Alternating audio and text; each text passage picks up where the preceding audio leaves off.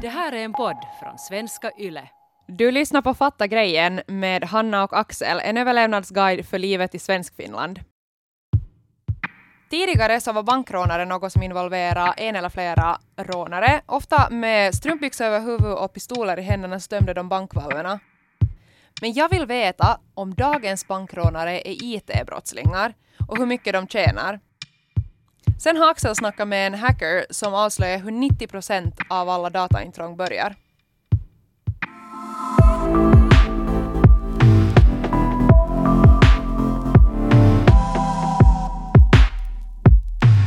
En av de största lögnerna som cirkulerar på nätet måste ju vara frasen ”Jag har läst och godkänner användarvillkoren”.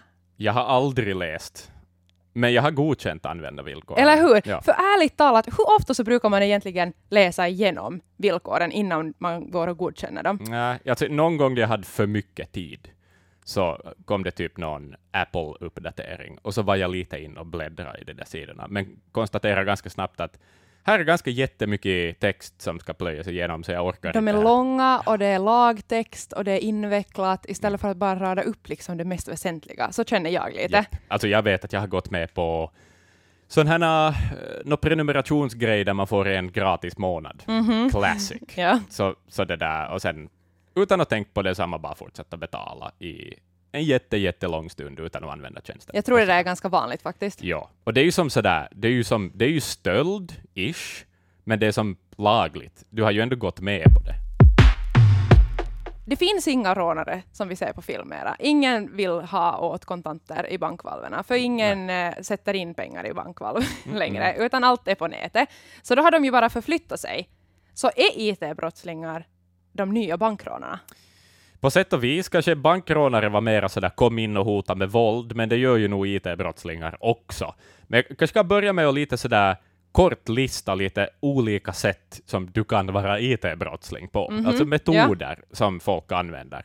Eh, I korthet så kan man kanske dela in dem i två kategorier, om vi då talar cyberbrott. Jag älskar det där ordet, allting med cyber. Eller, det låter så 90-tal och det är så kova, så jag tänker använda i, eh, i det här avsnittet talar jag uteslutande om cyberbrott. Det finns då brott där du liksom har internet som hjälp för att lura någon på pengar. Alltså vad det nu kan vara, en indier ringer upp dig och ska be dig om några kortuppgifter. Ja, och, och, liksom, de- och du använder internet för att typ skriva det åt, eller något sånt. Inte vet jag, de har hittat din, dina personuppgifter någonstans på nätet eller någonting i det stilen. Då är det ett sånt. Och sen finns det då liksom de som är direkt beroende av ett nätverk för att genomföras, och då är det mera kanske direkta dataintrång Ja, okej, och, och sådana här brott. Sådär. Men den eh, tråkiga biten sagt, så tänker jag börja med att ransomware eh, är kanske det största hotet mot folk. Va, vad Ransomware, är det då? Ransomware är liksom ett virus, ofta, eh, som du kan få kanske via uh, ett, e, nå e-post. Mhm. Eh, att du, det, du får en trojansk häst i din dator, och eh, de tar filer av dig, och sen i något skede så kontaktar de dig och är sådär, vi har alla dina filer, eh, vi har krypterat dem, du har ingen åtkomst till dem mera, betala de här pengarna åt oss så, så ah, ger vi tillbaka allt. Ja. Mm. Och okej, all fine, sådär, det klassiskt utpressnings liksom, grej. Sådär. Mm. Men det nya, åtminstone Europol har sett som en växande trend, är att de också har lagt till liksom en till level av det, att det kommer inte bara det där eh, kravet på pengar, utan det kommer också ett hot. Eh, och hotet då kan vara att annars lägger vi ut vet du, allt öppet på internet, så att vem som helst kan ta del av det. Alternativt, eller så säljer vi alla de här filerna till högstbjudande, Mm. eh, sådär typ via Darknet eller någonting. Och Är det någon som vill köpa dem? tydligen är det nog jättevärdefullt för brottslingar, alltså speciellt är vi så, är vi så, ja, okej, då fattar jag. Speciellt, ja. alltså det är det man är ute efter. Okej, Ja. om du nu råkar ha, vet du, Jag tänkte så här, aktion på eh, någon som har kikat på porr. och så är det så här, ja, är vi så svartsjuka så vi sätter Mm. ut en stor summa för det? jag vet inte, det, det, men jag menar kanske folk som har på riktigt saker att dölja. Jo, jo, blir- alltså de- de säkert. ju Jag tror, nog att det, liksom. eh, jag tror nog att hotet eh, ändå kan träffa många. Ja, Mm. exakt. Alltså, eh, om vi kommer in på supermörka saker som något mm, barnpornografi eller Ja, något sånt. ja, ja. Alltså, där pirrade säkert lite i fingrarna för de här som blir utsatta för det. Men ehm, annan klassiker är ju förstås phishing, det vi alla tar del av varenda jävla dag, känns det som. Vi får ett e-post där det är någon nigeriansk barnlös typ som vill ge bort sitt arv eller någonting. Och alla de här lurendrejarna, liksom, att det skickas ut miljontals mejl till folk på slump, och sen är det kanske en promille som reagerar på dem. Men det räcker för att de ska kunna få Ja, pengar. exakt. Det är ändå tillräckligt stor andel som sen ändå svarar på det. Exakt. Eh, phishing, liksom, ja, classic. Men då finns det ett nytt begrepp också som jag inte hade hört om, som heter spare phishing, som, alltså så spjutfiske. jag älskar det. Det känns som att någon har hittat på det bara för att den där termen på Det något vis känns- behövdes. Men det känns, ja, alltså ändå ganska... Ja, men alltså så här. Mm. Alltså jag tänker ändå det verkar som att det är mera hot och det är mera alltså så här aggressivt. Så Mm. kanske vi ändå är lite medvetna, så nu måste de gå till hårdhandskarna Exakt, nu är för det att få några pengar. Jepp, nu är det spjutfiske som gäller. Uh, spjutfiske då, spearfishing, handlar om att man liksom istället för att skicka ut miljoner med mejl till en massa olika människor, så samlar du info om vissa personer och så gör du liksom jättepersonligt riktade uh, fake mail eller lurendrejeribrev som, som kan verka trovärdiga. Okej, så det blir liksom kvalitet framför kvantitet. Precis, exakt. Mm. Så där är det där att du liksom tar en fisk i taget Exakt. Mm. istället för att ha hela nätet ute liksom, på det sättet. Eh, så det var intressant. Um, en annan grej som har vuxit under uh, senaste tiden, så en, en, någonting som kallas för sim-swapping, som är Aha. alltså att någon lurar din teleoperatör att de är du, och så Ah. får de alltså i princip ett nytt simkort. Mhm. Eh, och via ett nytt simkort så kan du då till exempel gå vi, eh, förbi tvåstegsverifieringen. Alltså att Mm. säg att du ska logga in i din bank och banken skickar någon kod som ett sms till dig, Mm. de får den där koden. Och sådär. Att då är det lätt att stjäla pengar av folk. Eh, och annat sånt. Så det är någonting nytt också. Eh, det har tydligen funnits länge, men det har liksom kommit tillbaka. Okej, ja. Eh, sådär. Eh, men om vi snackar mest pengar, var stjäl man mest pengar? Alltså det är en sak att lura en gammal tant på några tusen lappar eller någonting. det är ju det man hör om. Ja, precis. Men företag är ju nog liksom kanske de som man får mest pengar av. Mm. Och då, där kommer det in den mest intressanta Wikipedia-artikel jag har läst på år och dagar, Okej. eh, som handlar om alltså social engineering, heter det. Men den, alltså den handlar om sådär olika metoder att hacka människor. Alltså sådär att, att hur du kan utnyttja folks svagheter för att vet du, få reda på någonting, eller hur du kan kanske uh, verka vara en annan människa för att, alltså som lurendrejeri Alltså, på som, guidelines. ja, gu- guidelines och som på en teorinivå. All, vet du, sätten du kan lura folk på. Så sjukt intressant. Eh, och där kommer det in då liksom att säg att du har fått tillgång till en företags e-mail eller någonting. Ja. Du, har, du har kommit över liksom, så att du kan logga in på någons företags mail. Okej. Råkade då vara en chef och chefen skickar sådär, hej, kan du betala den här fakturan snabbt? Så, så litar du ju nog på att chefen Mm. vet vad den gör och på det sättet så kan de få ganska stora summor av företag Mm, liksom stulna. Just det. Så det är jätteintressant. Och det, och det är liksom en sån där gammal vetenskap, att det, liksom, det har alltid funnits typ du vet filmen Catch Me If You Can med Leonardo Ja, DiCaprio, ja. och, som, som handlar om en sån legendarisk liksom, lurendrejare Mm. som bara lurar till sig allt.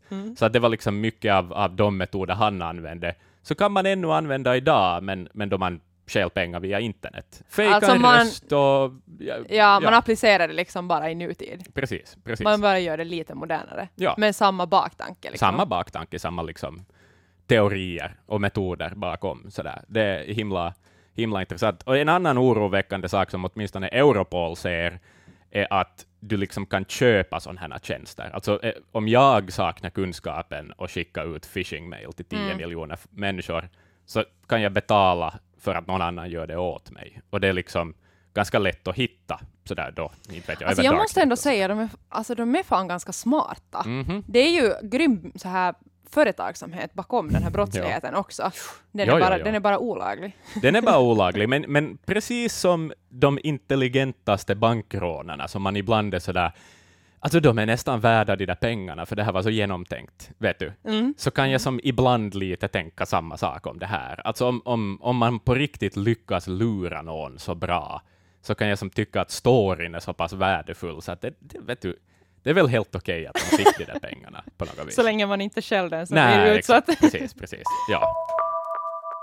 Eh, Okej, men Axel, du har talat om phishing och Mm. att de här mejlen skickas ut, men varför får vi dem? Mm, jag har aldrig tänkt på det själv. Uh, jag frågade av eh, den här hackern som jag också har snackat med, Benjamin Särka heter han, så det att har det att göra med att min, mina uppgifter har varit med i någon dataläcka eller någonting? Vet du Mm. att någon på det viset har fått min mailadress? Ja. Sa han, jo visst, det kan vara en möjlighet, men oftast så har det att göra med att man bara, alltså som du kan slumpgenerera Ah. miljontals e-mailadresser, som antagligen, vet du, axel15 at gmail.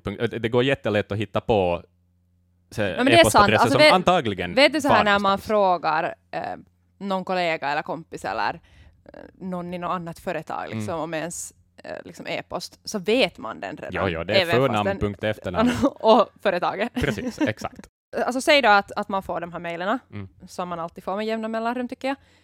Eh, vad händer om man klickar på en länk som är ett bluffmail? Okej, nu kommer skrämmande biten först här. Aha. Worst case scenario så kan du bli av med alla pengar. Du får någon banktrojan på dig som tömmer ditt bankkonto. Låter mysigt. Yeah! Sådär. Ehm, men om vi då tänker sådär, om det är ransomware det handlar om, eller det är någon sorts utpressningsunderton i Mm. det här mejlet, Mm. eh, så frågar man polisen så säger de att du ska aldrig betala de där pengarna. Nej. Okej, det säger polisen alltid, men de har nog anledningar till det också. Eh, anledningarna är att förstås A, det finns inga garantier på att du får tillbaka dina filer och att de inte lämnar med någonting, för de är ändå brottslingar. Uh, den andra anledningen är att uh, med hjälp av de där pengarna så finansierar man i princip mer sån här verksamhet. Och avslutningsvis, de, det, det finns alltså att de för bok över människor som är villiga att betala utpressningssummor. Mm. Så att det kan finnas en risk att du bara blir kontaktad på nytt och på nytt och på nytt och på nytt och liksom aldrig hamnar ur den där grejen. Sådär. Och det, det vill man ju inte. Alltså om man är så naiv så att du har betalat. Flera gånger. Ja, man, precis. man ses som en bra kund. Du är en jävligt bra kund, exakt. Faktum är, alltså Benjamin Särka, den här hackern, så han, Ja. han berättar att liksom åt, mellan 80 och 90 procent av alla dataintrång Mm. så börjar med e-post. Att, att e-post är liksom, det har inte hänt himla mycket med e-post sedan man uppfann e-posten. Nej, det är ju det enda som man tycker att är samma. Precis, precis. Så att liksom, eh, om han skulle få välja så skulle han förbjuda alla bilagor i mail och alla länkar, att man inte ska få ha någonting sånt överhuvudtaget med. Aha. För att det liksom, Men var tänker han att man ska dela dem då? Via krypterade tjänster Ja, ja, kanske, och sådär, för att mail är ganska, alltså mail, vanlig mail är inte krypterat. Liksom. Eh, och, och jag menar, det är ju uppenbart att det är ett problem, för att vi får så fucking mycket mail om en massa bullshit hela tiden, och somliga går på det. På tal om mail, så visst, vi kan tala ransomware och att man ska liksom tvingas då betala någon gisslansumma för att få tillbaka sina filer. Men Särka berättar också det att vissa hackers har liksom lämnat det bakom sig, att man orkar som inte bry sig om att koda något virus och grejer, för att det som är mera effektivt är att skicka sextortion-mail, som Okej. alltså är det att du på slump mailar någon och är sådär, jag har video på dig då du runkar till porr. Ja, ja, alltså lite det som vi var inne på Precis. eh, tidigare. Att Ja. man, ja, ja, så Men nu är det som på Säkä, vet du. du. Du skickar bara på Säkä till folk. man skickar liksom ut en stor Mm. liksom, mängd mail och Exakt. sen så är det så här, vissa kommer träffas. Ja, precis. Vissa kommer träffas, vissa kommer känna sig skyldiga och inte vill att den där videon läggs ut någonstans. Nej. Förstås. Förstås. Sådär. Eh, och, och vill du göra det lite mer trovärdigt så kanske du via någon gammal dataläcka som någon gång har hänt, kanske har hittat något gammalt lösenord som den här användaren har använt i tiderna. Mhm. Det kanske inte är aktuellt mera, men du sätter med dig det där mejlet bara för säkerhets skull, för, För att liksom att visa att Skapa trovärdighet. jag vet Mm. saker om dig. Liksom. Eh, så det är ganska liksom, att det är mer lukrativt. Det kan vara mer lukrativt att bara sådär på, på chans skicka mejl åt folk, än att gå igenom all den där trouble med och faktiskt skapa något, vet du, virus av något Mm, slag. Sådär. Okej, så mellan 80 till 90 procent av alla dataintrång börjar alltså med e-post. Mm. Men hur mycket pengar rör det sig om i den här brottsligheten? Det är jag som jättenyfiken på. För att om du går in då som rånare i ett bankvalv, så tidigare vet ni, man ser massa guld och Mm. mynt, och, åtminstone på film, Yep. så ser det ut som stora äh, summor som ska samlas i de där säckarna. Och de ska Alltid bära svarta sådana där hockeybagar. Ja, ja, ja. ja. Ehm, men hur mycket, rör sig, hur mycket pengar rör det sig om i just eh, den här IT-brottsligheten? Nå, alltså det som polisen som känner till, Mm. De räknar med att det liksom handlar om tiotals miljoner euro om året eh, som, som stjäls eh, på, på det här sättet. Okej. Eh, och att det liksom ökar hela tiden. Men sen är det också det är så mycket av det här som inte kommer kanske till polisens kännedom, att sådär, om de gissar så antar de nog att det handlar om kanske hundratals miljoner euro till och med. Så det är nog jätte, jättemycket. Jag tror inte att bankrånare stjäla hundratals miljoner euro liksom Nä. förr i tiden heller på det sättet. Okej, då var det dessutom kanske mark. Kul pappa inlägg där. Eh, Alltså vänta, mm. jag vet inte hur många eh, av våra lyssnare som ens har hunnit betala med mark. ah, det var fina tider. jag tror inte att jag hann börja räkna i mark. Just det. En euro var 5,7 mark, tror jag, Ah, okej. Mm. Just det. i tiderna. Farmor och farfar säger alltid Åh, det här är i mark. Okej, sån är jag ändå inte. Jag minns inte marken så pass bra numera. Okej, så förra året så räknade alltså polisen att eh, det rörde sig om flera miljoner euro. Mm. Men hur många fall är det det här som, alltså hur många fall rör det sig om? Um, nå, vi tar typ dataintrång, så 2019 så anmäldes åt, drygt 800 fall. Okej. Uh, sådana större liksom planerade attacker för att typ stänga ner sidor och sånt. Mm. Så- det var typ 17 sådana uh, systemstörningsattacker, eller vad man nu talar om. Om det är nog handlar om, ganska många, tänker jag. det är nog ganska mycket, ja. Och då är det liksom mot kanske företag. Precis, jag stora- tänker ja. att om det är så här större insatser så är det ändå ganska många. Jepp, det är det nog. Alltså om de lyckas så är det ju ganska katastrof. Jo, jo, liksom. exakt. Om, om nu polisen liksom gissar på att det handlar om hundratals miljoner euro, så måste ju Mm. också vara Ja. eh, större summor de kommer över. Liksom. Ja. Att, att man kan ju inte få hundratals miljoner av bara gamla tanter och gubbar. Liksom. Eh, Identitetsstölder förstås, Mm. sånt händer ju också. Eh, man kommer över personskyddssignum och sånt och börjar starta upp eh, allt möjligt i ens namn. Eh, det var 4 000 fall ungefär Oj, det är många. eh, 2019 då. Personligen så är jag mest rädd om Mm. mina uppgifter liksom så här identitetsmässigt. Ja. Och 4 000, det tycker jag ändå är ganska mycket. Det är det nog, det är nog scary. Alltså som sådär, att vad är anledningen då? Är det liksom bara att någon är som superpsyko och bara vill som fuck shit up? Eller är det, resulterar det också i att du betalar? Säkert är det något sånt Alltså det finns ju säkert flera orsaker. Men tänk alltså om du skulle få veta att någon har kommit över dina, typ, din personnummer. Mm. Alltså man skulle känna sig så naken Mhm. och liksom vara sådär okej, nå nu är det någon annan som lever med min identitet. Det var, Kör en, hårt. det var en amerikansk, jag minns inte vilket företag det här var, men det var någon chef då för ett företag som sysslar med eh, i, datasäkerhet. ja. som var sådär, skulle visa hur bra det funkar. Så han hade en eh, stor lastbil som åkte omkring på Manhattan, där han hade alltså tryckt sitt personnummer.